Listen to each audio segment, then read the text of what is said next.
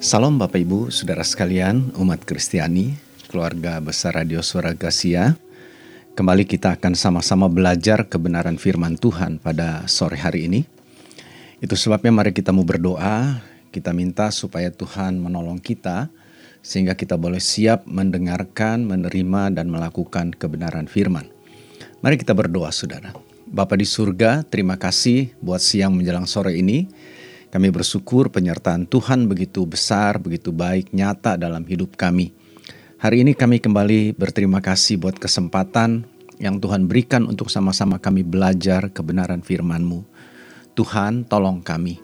Kami sangat membutuhkan firman-Mu, karena firman-Mu itu yang akan menerangi setiap langkah kami, memagari kehidupan kami, sehingga kami boleh terus ada di dalam kehendak-Mu. Tuhan tahu hati kami, Tuhan tahu keberadaan kami. Biarlah Roh Kudus bekerja saat ini. Setiap kata-kata yang kami dengar diteguhkan oleh Roh Kudus, memberkati kami, membawa kami kepada satu kehidupan yang berkenan kepada Tuhan. Tolong hambamu Tuhan untuk dapat menyampaikannya seperti yang Tuhan mau, sehingga seluruh pendengar mereka boleh diberkati, dikuatkan, diarahkan, diteguhkan iman mereka, dan nama Tuhan dipermuliakan. Terima kasih Bapa, terpujilah namamu di dalam nama Yesus. Haleluya, haleluya, amin. Bapak Ibu, saudara yang kasih oleh Tuhan Yesus Kristus, pada saat ini saya ingin berbicara dengan satu tema yang sederhana, yaitu saudara tentang kasih karunia. Saya percaya saudara mengerti apa yang dimaksud dengan kasih karunia itu. Tapi biarlah pada saat ini mari coba kita akan sama-sama belajar dan merenungkannya. Saudara, saya akan membacakan dari 1 Korintus pasal yang ke-15. 1 Korintus pasal 15 ayat yang ke-10. Di sana kita akan dapatkan ada sebuah pernyataan yang Rasul Paulus katakan demikian. Dia berkata tetapi karena kasih karunia Allah aku adalah sebagaimana aku ada sekarang. Dan kasih karunia yang dianugerahkannya kepadaku tidak sia-sia. Sebaliknya, Dikatakan sebaliknya aku telah bekerja lebih keras daripada mereka semua tetapi bukannya aku melainkan kasih karunia Allah yang menyertai aku. Saudara ini satu ayat yang kita cukup kenal. Dan kalau boleh saya bilang ini bukan hanya sekedar sebuah kata-kata dari seorang rasul, tapi boleh dibilang ini dia katakan berdasarkan apa yang dia alami. Jadi saudara ketika dia berkata bahwa aku ada sekarang ini karena kasih karunia, itu memang benar-benar terjadi di dalam kehidupan dia. Jadi saudara-saudara, dari hal itu saya mulai berpikir, saya mulai merenungkan. Saya kan suka berkhotbah, saudara menyampaikan firman Tuhan baik di radio ini maupun di tempat pelayanan saya. Satu hal dari pernyataan ini yang saya belajar begini.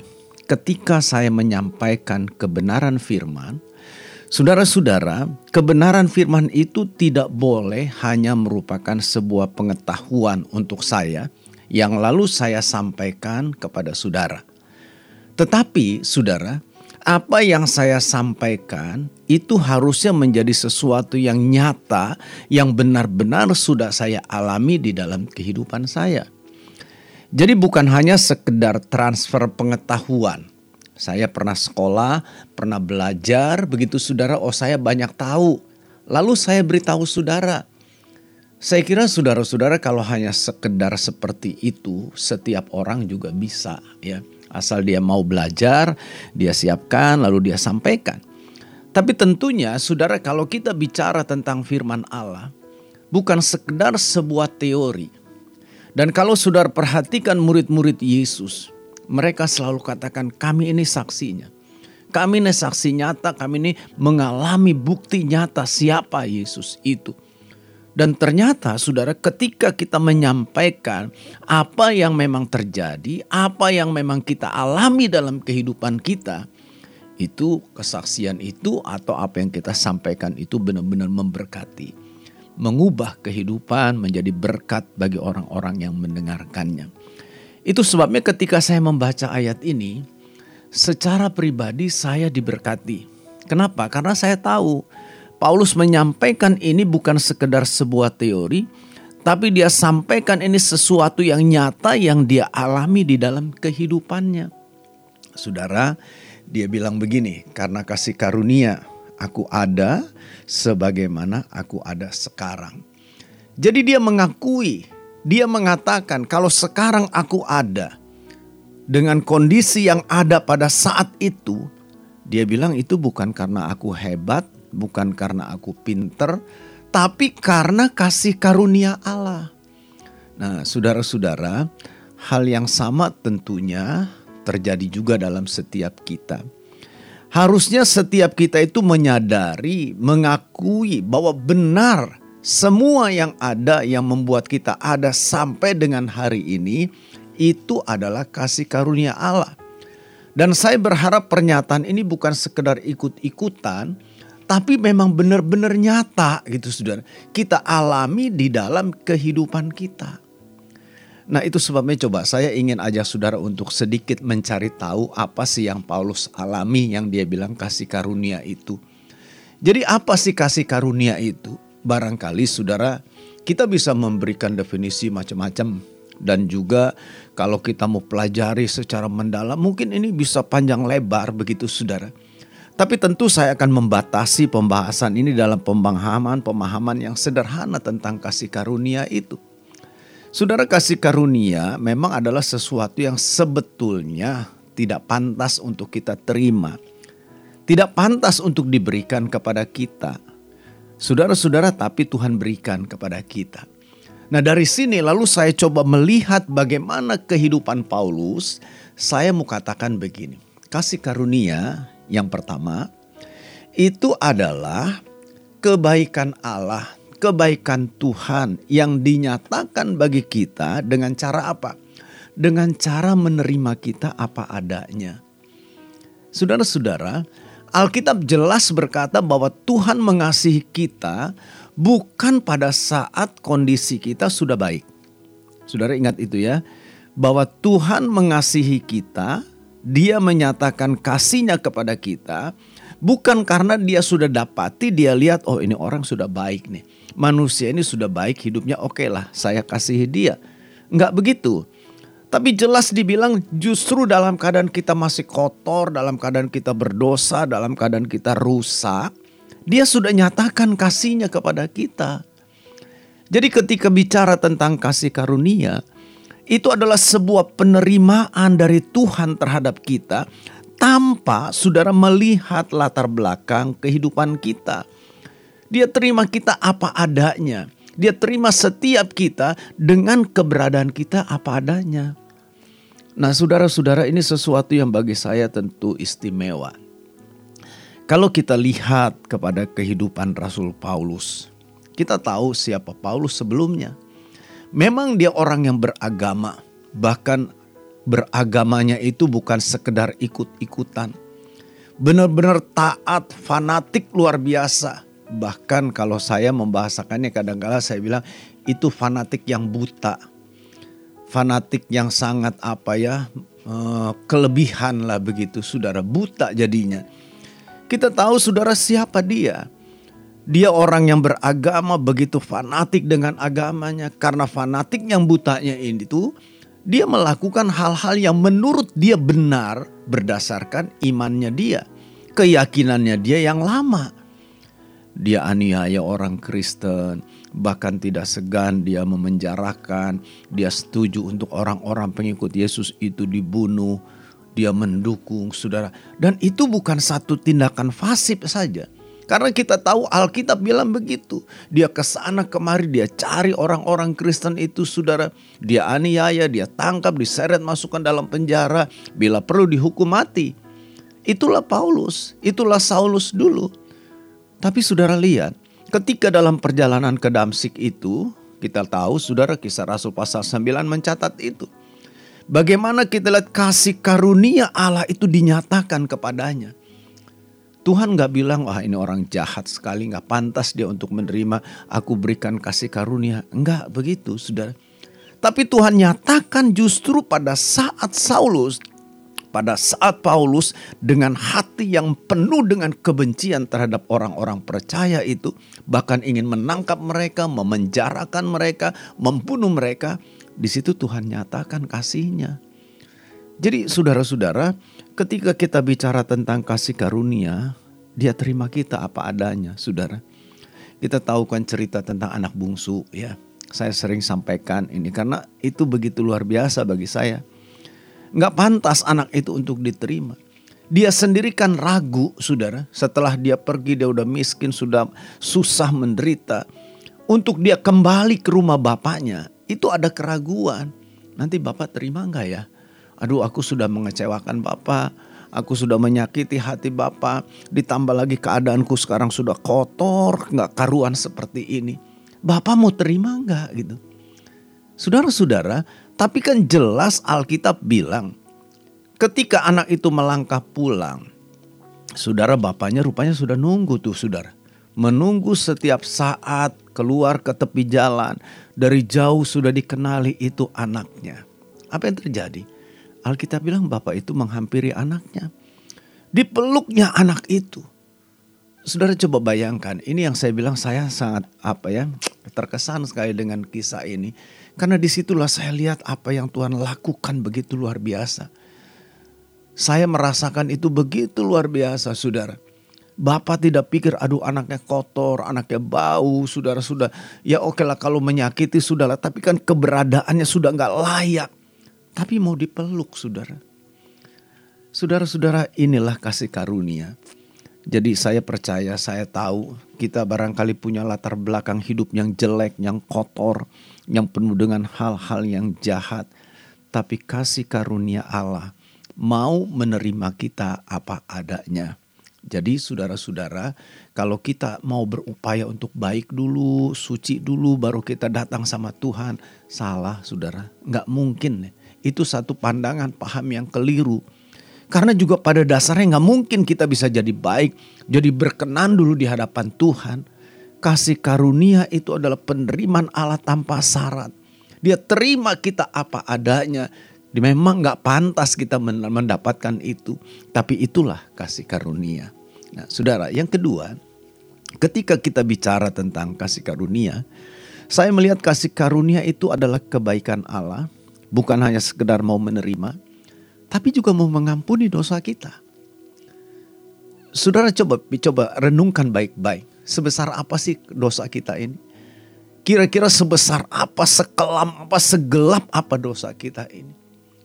Saudara, kita ini nggak bisa membayar, nggak bisa menebus. Kalaupun mulai saat ini katakan saudara bertekad saya akan jadi orang baiklah untuk menebus dosa saya gitu. Sampai akhir batas hidup kita, menurut perhitungan saya tidak akan pernah bisa saudara. Kenapa saudara? Mungkin Hari ini kita berkata Tuhan saya berdosa ampuni saya. Besok bisa berulang lagi. Saudara ada banyak orang mereka terjebak gitu ya. Dalam sebuah lingkaran siklus dosa.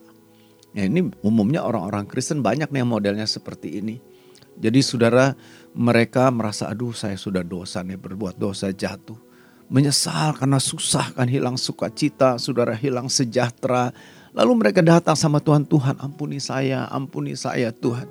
Tuhan ampuni saudara. Tapi sayangnya kita lihat kan setelah diampuni itu kehidupan terus berjalan. Ada godaan jatuh lagi. Terus putar-putar seperti itu jatuh bangun, jatuh bangun, jatuh bangun. Ada banyak orang Kristen seperti itu.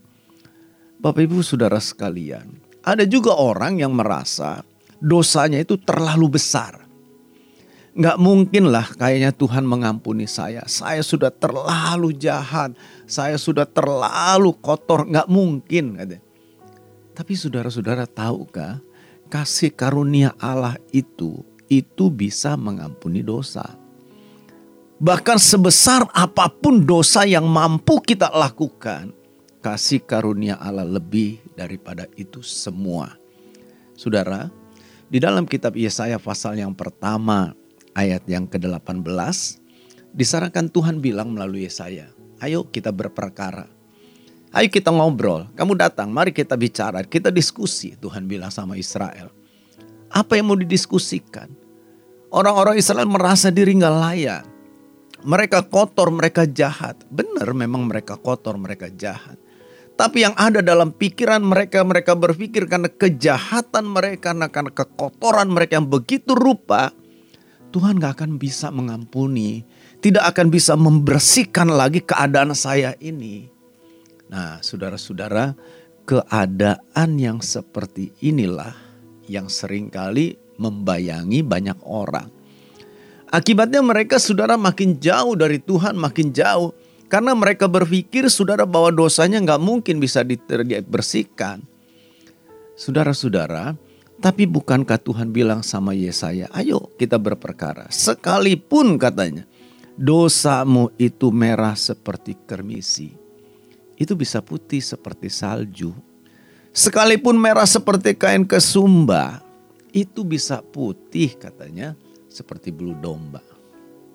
Bapak Ibu Saudara sekalian, kalau saya boleh mengatakan ini sesuatu yang bagi saya satu luar biasa. Saya sering kali saudara menyampaikan kebenaran firman, mungkin juga di tempat ini barangkali beberapa waktu lalu, saya sering menyinggung tentang kebaikan pengampunan itu. Bagi saya ini sesuatu yang sangat luar biasa. Kadang-kadang saudara kita pikir, aduh Tuhan saya ini jahat sekali gitu ya. Tapi nyatanya lu saudara, Tuhan mau ampuni. Dia mampu mengampuni kita. Sebesar apa pun kesalahan kita. Tapi saudara-saudara kita perlu ingat nih baik-baik. Kasih karunia Allah ini yang begitu besar yang bisa mengampuni dosa kita. Itu bukan berarti sebuah kesempatan untuk kita hidup di dalam dosa. Ingat itu baik-baik, saudara. Kita nggak bisa bilang, oh kebaikan Tuhan, kasih karunia Tuhan begitu besar. Sebesar apa pun dosa saya, kasih karunia Allah lebih besar dari itu semua. Tapi saudara-saudara lalu kita pikir, oh kalau gitu saya enak ya. Saya bisa buat apa saja, saya bisa lakukan apa saja sesuka-suka saya. Nah ini orang yang sesat menurut saya saudara kalau berpikir seperti itu. Ini orang yang salah yang tidak benar, saudara pola pikirnya. Kasih karunia Allah itu bukan kesempatan untuk kita hidup dalam dosa. Kasih karunia Allah bukan kesempatan, saudara, untuk kita menikmati kehidupan sesuka-suka kita. Enggak begitu, saudara.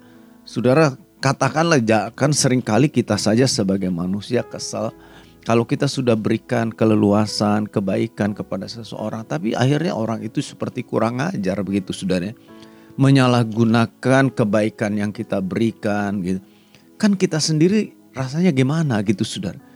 Pernah nggak kita berpikir Tuhan itu lebih daripada itu? Dia Allah yang kudus. Dia punya kasih karunia yang sanggup membersihkan, membersihkan benar-benar bersih kehidupan dosa kita. Tapi ketika kita, saudara, menyalahgunakan itu semua. Itu satu penghinaan.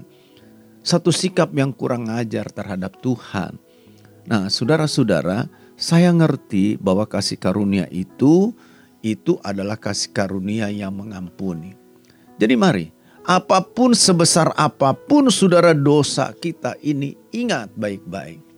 Dia bisa kok mengampuni asal kita mau berperkara. Ayo datang, akui Alkitab bilang, saudara kalau kita mengaku dosa kita, dia itu setia dan adil, dia akan membersihkan, mengampuni, menyucikan kehidupan kita ini dari dosa.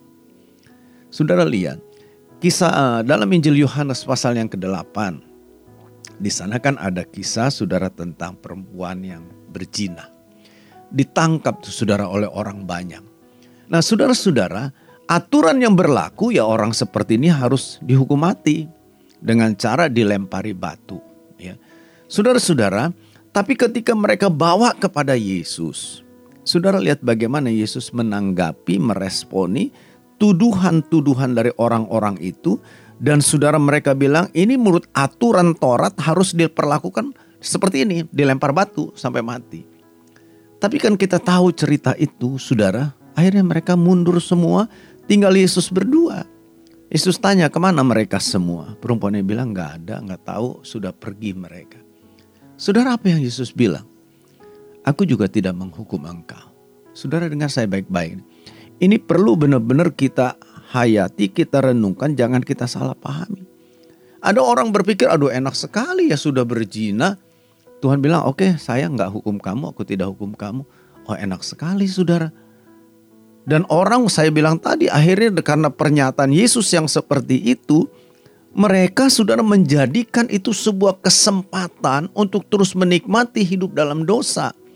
Menikmati terus kehidupan di dalam kegelapannya. Ini satu sikap yang benar-benar jahat, saudara menurut saya salah. Tapi Yesus bilang, aku tidak hukum kamu. Dan jangan buat dosa lagi. Artinya keluar kamu dari kehidupan itu. Bertobat kamu sungguh-sungguh. Jangan lagi kamu tinggal di sana, jangan kamu lagi ada di sana, keluar dirimu dari sana. Nah, saudara-saudara, inilah yang perlu kita pahami. Jadi apa pun dosa-dosa kita ini, Tuhan sanggup ampuni kok saudara. Kalau saya mau berkata jujur sama saudara, saya tahu saya pun juga masih berdosa. Saya pernah jatuh juga mungkin dalam dosa-dosa. Yang mungkin kalau kita pikir, ah itu kan dosa biasa. Kita nggak bisa mem memberkata ah dosa itu sesuatu yang biasa, nggak boleh begitu. Saudara dosa sesuatu yang serius sekecil apa pun juga. Dan saudara-saudara, saya kalau renungkan itu saya bisa nangis dalam arti gini, aduh Tuhan, begitu besar sekali anugerahmu, begitu besar sekali kasih karuniamu itu. Berulang kali saya mengalami apa namanya mengecewakan Tuhan, menyakiti Tuhan. Tapi saudara Tuhan ampuni. Saya datang, saya nangis minta ampun, Tuhan ampuni. Bapak Ibu saudara sekalian, Daud dia pernah jatuh dalam dosa yang sangat serius. Perjinahan, pembunuhan. Dan itu membuat dia benar-benar menderita susah luar biasa.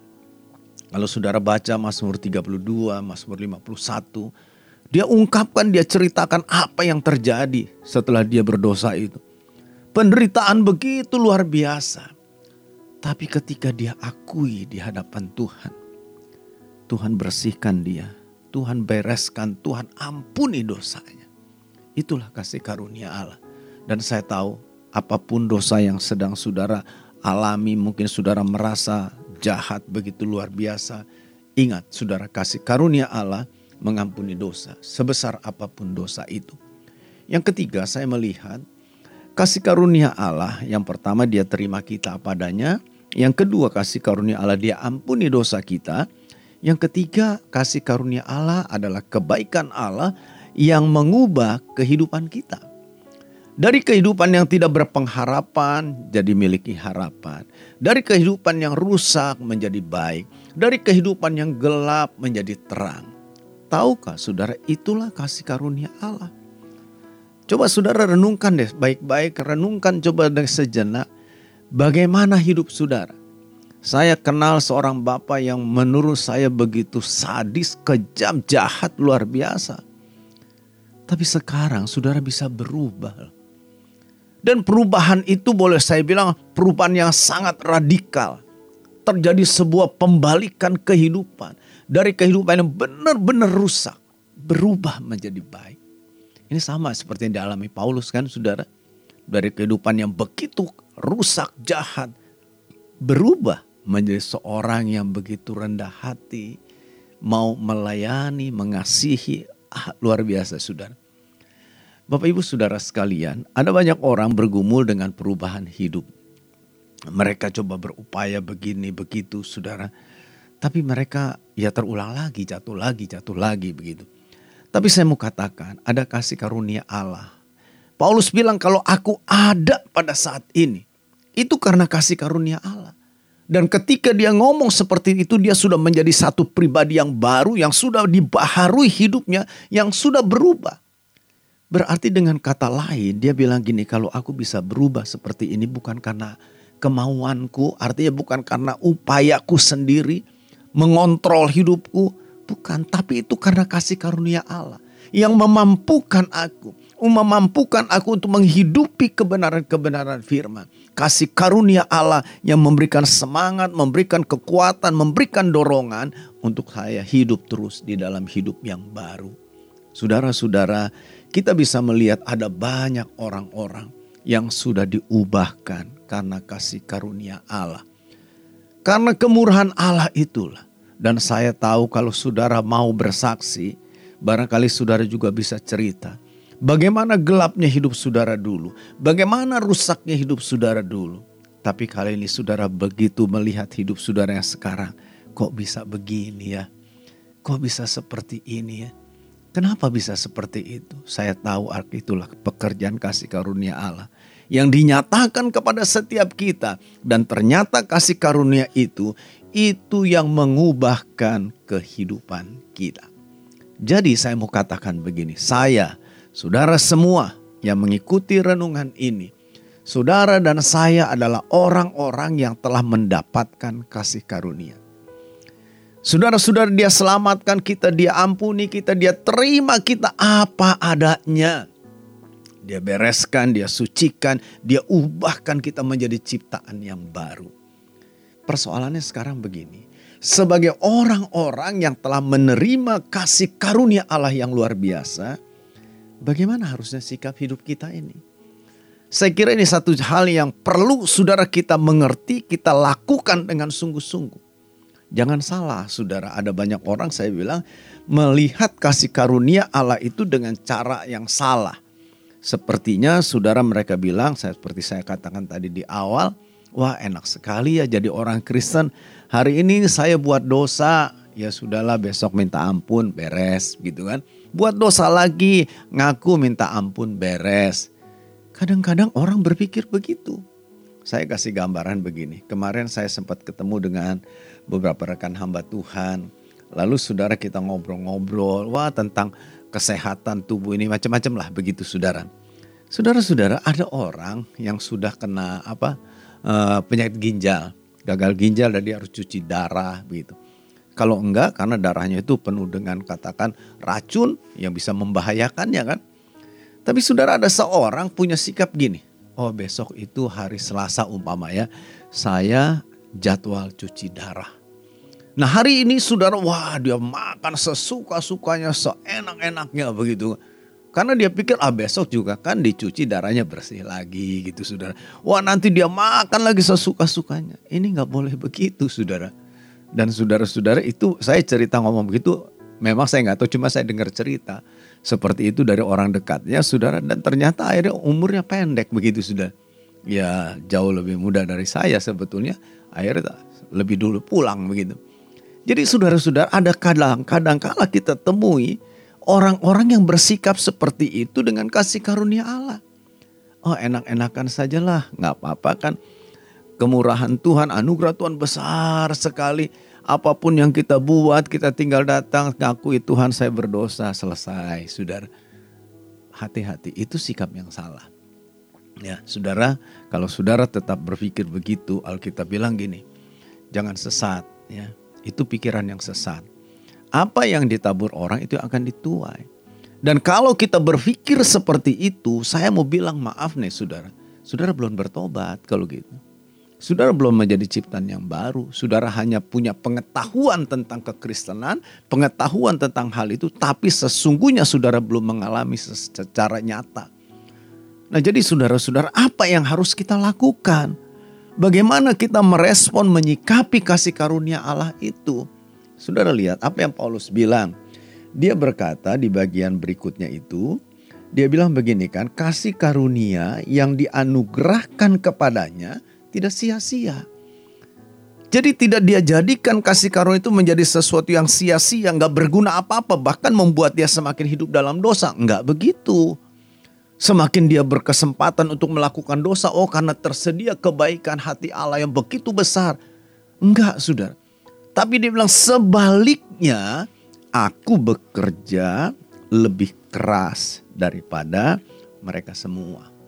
Jadi saudara inilah kasih karunia yang benar. Artinya kita yang menyadari orang-orang yang menerima kasih karunia itu, kasih karunia ini akan mendorong kita, saudara, untuk lebih hidup dalam kekudusan. Hidup dalam pertobatan yang lebih sungguh-sungguh bukan bukan malah kita bermain-main dengan dosa karena kita pikir ada kasih karunia. Enggak bisa begitu, Saudara. Hati-hati, saya ingatkan dengan sungguh-sungguh kalau ada di antara saudara mendengarkan uh, siaran ini, dan saudara hari-hari ini masih terus hidup dalam dosa dengan berpikir, oh Tuhan kan baik, nanti Tuhan ampuni. Ada tersedia kasih karunia Tuhan yang besar, Tuhan juga akan ampuni. Hati-hati saudara. Saudara-saudara, kasih karunia Allah, dia tidak akan harusnya tidak boleh mendorong kita untuk melakukan hal-hal yang tidak benar. Tapi justru sikap kita merespon kasih karunia Allah itu dengan bertobat sungguh-sungguh. Semakin lebih hidup dalam kekudusan, semakin hidup di dalam kebenaran firman, semakin hidup di dalam terang firman. Itu orang-orang yang benar-benar menghargai kasih karunia Allah dalam hidupnya. Jadi tidak bermain-main lagi. Nah lebih daripada itu dia bilang aku itu bekerja lebih keras. Coba saudara pikirkan gini. Apa yang saudara sudah lakukan untuk Tuhan? Sejak saudara menjadi anak-anak Tuhan, menjadi orang yang percaya diubahkan, menerima keselamatan, menerima ke, uh, kasih karunia itu. Apa yang sudah kita lakukan? Oh Pak saya sudah ke gereja, saya sudah melayani, saya sudah begini dan begitu. Oke, tapi saudara lihat Paulus bilang begini, aku itu bekerja lebih keras. Memang secara sederhana kata lebih keras tentu kita lihat ini bicara tentang ukuran. Kalau ukurannya orang umumnya katakan ada di level 5, kalau dibilang lebih pasti di atas 5 kan. Mungkin 6, 7, 8 dan seterusnya. Berarti kita lihat saudara ketika Paulus berkata aku bekerja lebih keras. Saya melihat kalimat ini bukan hanya menunjukkan adanya sebuah aktivitas yang kelihatan. Tapi saudara aktivitas yang kelihatan itu didasari oleh motivasi, oleh dasar yang benar. Saudara dengar saya baik-baik. Umumnya orang-orang Kristen suka melayani. Wah saudara bahkan ada orang-orang yang mungkin kita bisa sebut orang bilang itu jemaat maha hadir. Di setiap kebaktian ada dia, di kebaktian umum pagi ada dia, sore ada dia, kebaktian sekolah minggu ada dia, kaum wanita ada dia, kaum pria. Pokoknya dia selalu ada di mana-mana begitu sudah. Saudara-saudara, itu oke-oke saja untuk saya. Tetapi kita perlu benar-benar mengerti di sini. Kalau Paulus bilang aku lebih keras bekerja dibandingkan yang lain. Itu bukan hanya sekedar adanya sebuah aktivitas kegiatan yang lebih daripada yang lain. Tapi juga didasari oleh motivasi yang benar, motivasi yang kudus, motivasi yang tulus. Paulus di dalam suratnya yang lain, saudara dia bilang, Aku layani Allah itu dengan hati nurani yang murni. Jadi saudara saya perlu memeriksa diri saya. Memeriksa hati saya ketika saya berkhotbah, ketika saya melayani, saya mengunjungi jemaat, mendoakan jemaat dan sebagainya. Mungkin kelihatan saya begitu rajin aktif. Itu memang yang Tuhan mau. Tetapi saya kan harus jujur dengan hati saya. Kalau Tuhan sih maha tahu lah saudara. Kadang-kadang saudara kita ini coba menyembunyikan kehidupan kita, ketidaktulusan kita, motivasi-motivasi yang salah itu di balik aktivitas itu. Pernahkah kita berpikir Allah tahu saudara motivasi hati kita? Untuk apa kita aktif, untuk apa kita kelihatan begitu luar biasa padahal kita punya motivasi yang salah hanya untuk mendapatkan pujian, hanya untuk mendengar orang berkata, wah kamu hebat ya, kamu begitu rajin, kamu aktif. Gak ada artinya itu saudara. Bukan itu respon yang benar dalam menanggapi, menyikapi kasih karunia Allah. Tapi aktivitas yang kita lakukan, kesungguhan dalam pertobatan kita, kesungguhan dalam aktivitas-aktivitas yang kita lakukan bagi Tuhan didasari oleh motivasi dan dasar yang benar. Bukan hanya itu tentunya juga dengan kerendahan hati. Sebab Paulus bilang begini saudara kalau saudara perhatikan dikatakan sebaliknya aku telah bekerja lebih keras daripada mereka. Daripada mereka semua dibilang. Tetapi bukannya aku. Saudara lihat ini bukan sekedar permainan kata-kata. Tapi Paulus tahu aku bekerja lebih keras, motivasi hatiku tulus, hatiku murni itu semua bukan karena aku hebat. Karena anugerah Allah. Karena kasih karunia Allah yang memampukan aku untuk seperti itu. Jadi kita lihat ada satu ketulusan, ada satu kemurnian, motivasi yang benar dan juga kerendahan hati. bahwa pada dasarnya saya bisa seperti ini itu karena Tuhan. Karena Tuhan yang melakukan di dalam saya. Saudara-saudara, marilah kita mau belajar di sini. Saya tahu kasih karunia Allah begitu besar. Jujur saya bilang, saudara, kalau saya mau bicara tentang kasih karunia Allah, saya bisa nangis, saudara. Artinya saya bilang, aduh susah lah gitu untuk diceritakan. Saya tahu bagaimana jalan-jalan hidup saya mulai dari pertobatan saya. Oke lah, waktu-waktu lalu katakanlah sudah itu terlalu gelap. Tapi sejak saya menyatakan bertobat, kan nggak mulus tuh saudara jalannya. Ada banyak hal-hal yang saya lakukan yang mungkin mengecewakan Tuhan, menyakiti Tuhan dengan segala macam cara. Tapi saya harus akui saudara di hadapan Tuhan. Dengan jujur saya bilang, kalau sampai hari ini saya ada, Tuhan kasih kesempatan saya untuk tetap berkhotbah, menyampaikan firman, melayani sidang jemaat. Saya tahu saudara itu karena kasih karunia Allah. Nggak mungkin saudara saya bisa bayar, nggak mungkin saya bisa katakan apa ya bayar gitu kasih karunia. Itu sesuatu yang nggak mungkin. Jadi saudara marilah. Apa yang harusnya kita lakukan, bagaimana harusnya sikap hidup kita. Saudara-saudara sebagai orang-orang yang mengalami kasih karunia Allah yang begitu luar biasa. Mari kita sungguh-sungguh bertobat sungguh-sungguh. Kasih karunia bukan kesempatan untuk hidup dalam dosa. Kasih karunia bukan kesempatan untuk kita tetap tinggal di dalam dosa. Tapi justru sebaliknya, kasih karunia membawa kita kepada pertobatan yang lebih, yang sungguh-sungguh. Hidup dalam kekudusan, hidup dalam ketulusan. Kasih karunia Allah membuat kita boleh beraktivitas sebagai Tuhan yang lebih. Dengan dasar motivasi yang benar, kemurnian hati, ketulusan kerendahan hati bukan untuk mendapatkan pujian, bukan untuk menyembunyikan segala hal-hal yang kotor dalam hidup kita, tapi dengan kesungguhan hati kita menyadari Tuhan engkau begitu luar biasa. Kasih karuniamu itu begitu luar biasa. Aku mau lakukan sesuatu. Aku mau kerjakan sesuatu bagimu Tuhan. Dan biarlah seluruh hidup ini aku boleh persembahkan kepada Tuhan dengan tulus, dengan rendah hati di dalam kebenaran. Tuhan Yesus berkati kita semua. Amin, amin. Mari kita berdoa saudara. Bapa, terima kasih buat kebenaran firman. Kami sungguh menyadari siapa kami Tuhan. Tidak pantas, tidak layak untuk kami menerima kasih karuniamu. Tidak pantas kami untuk menerima pengampunanmu. Tapi engkau nyatakan itu bagi kami. Tuhan ampuni kami kalau selama ini kami salah menyikapi kebaikanmu kasih karuniamu. Ampuni kami kalau selama ini kami berpikir salah dalam meresponi kasih karuniamu. Tapi biarlah kuasa firmanmu hari ini mengubah kami. Benar-benar menjadikan kami pribadi-pribadi yang baru di hadapan Tuhan. Terima kasih Bapak. Berkati seluruh pendengar sekalian di mana pun juga mereka berada.